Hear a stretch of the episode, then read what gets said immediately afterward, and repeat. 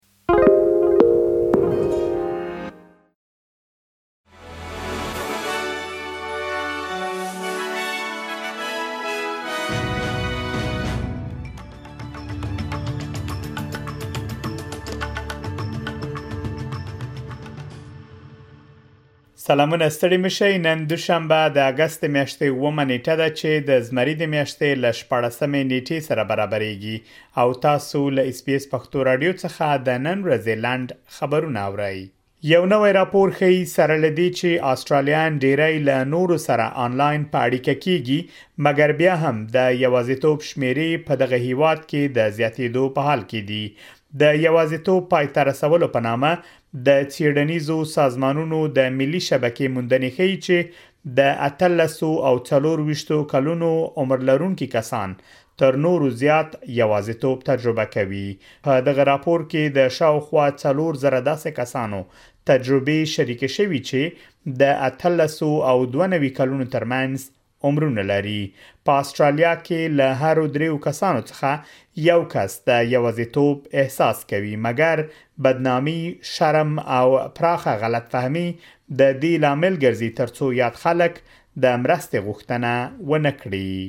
په افغانستان کې د استرالیا د حکومت درې تنه په خواني افغان کارکونکو له 13 ورځې پیاده مزل وروسته پلازمینې کانبرا ته ورسېدل. دغو درېیو تنو د ملبورن له دندینانګ څخه د جولای د میاشتې په شلمه نېټه پیاده مزل پیل کړی و چې نن د اسټرالیا د پارلمان ودانۍ مخې ته د سوله ییزې مظاهرې په ترسره کولو سره پای ته ورسېد. لاریون کوونکي وايي، په افغانستان کې یې له اسټرالیايي ځواکونو سره په سختو شرایطو کې کار کړی او اوس یې د کورنۍ غړي په خطر کې دي، له همدې امله له حکومت څخه غواړي ترڅو د دوی غوښتنې ومني او د کورنۍ غړي یې اسټرالیا ته راولي. د بښنې نړیوال سازمان، افغان ژباړونکو او افغان ښځو د اسټرالیا پر حکومت غږ کړی ترڅو د طالبانو د واک د دوه کلنې کلیزې په رارسیدلو سره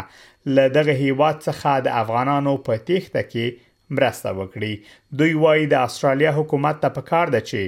د بشردوستانه ویزو د غوښتنلیکونو بهیر چټک کړي او د بشري حقوقو هغه ظلمونه وغندي چې په افغانستان کې د طالبانو لخوا تر سره کیږي د بخښنې نړیوال سازمان کمپاینر زکی حیدری اس پی اس نیوز ته ویلي چې د استرالیا حکومت به د هغو کسانو د ویزو غوښتنلیکونه پروسس کړي چې لا هم د طالبانو په رژیم کې پاتې دي. د اسټرالیا د غاښونو د ټولنې یو نوی راپور ښیي چې په هرو پنځو اسټرالیانو کې یو تن په ورځ کې یوازې یو ځل خپل غاښونه په برس مینځي. دغه معلومات په داسې حال کې خپرېږي چې نن د غاښونو د روغتیا اونۍ لومړۍ ورځ ده.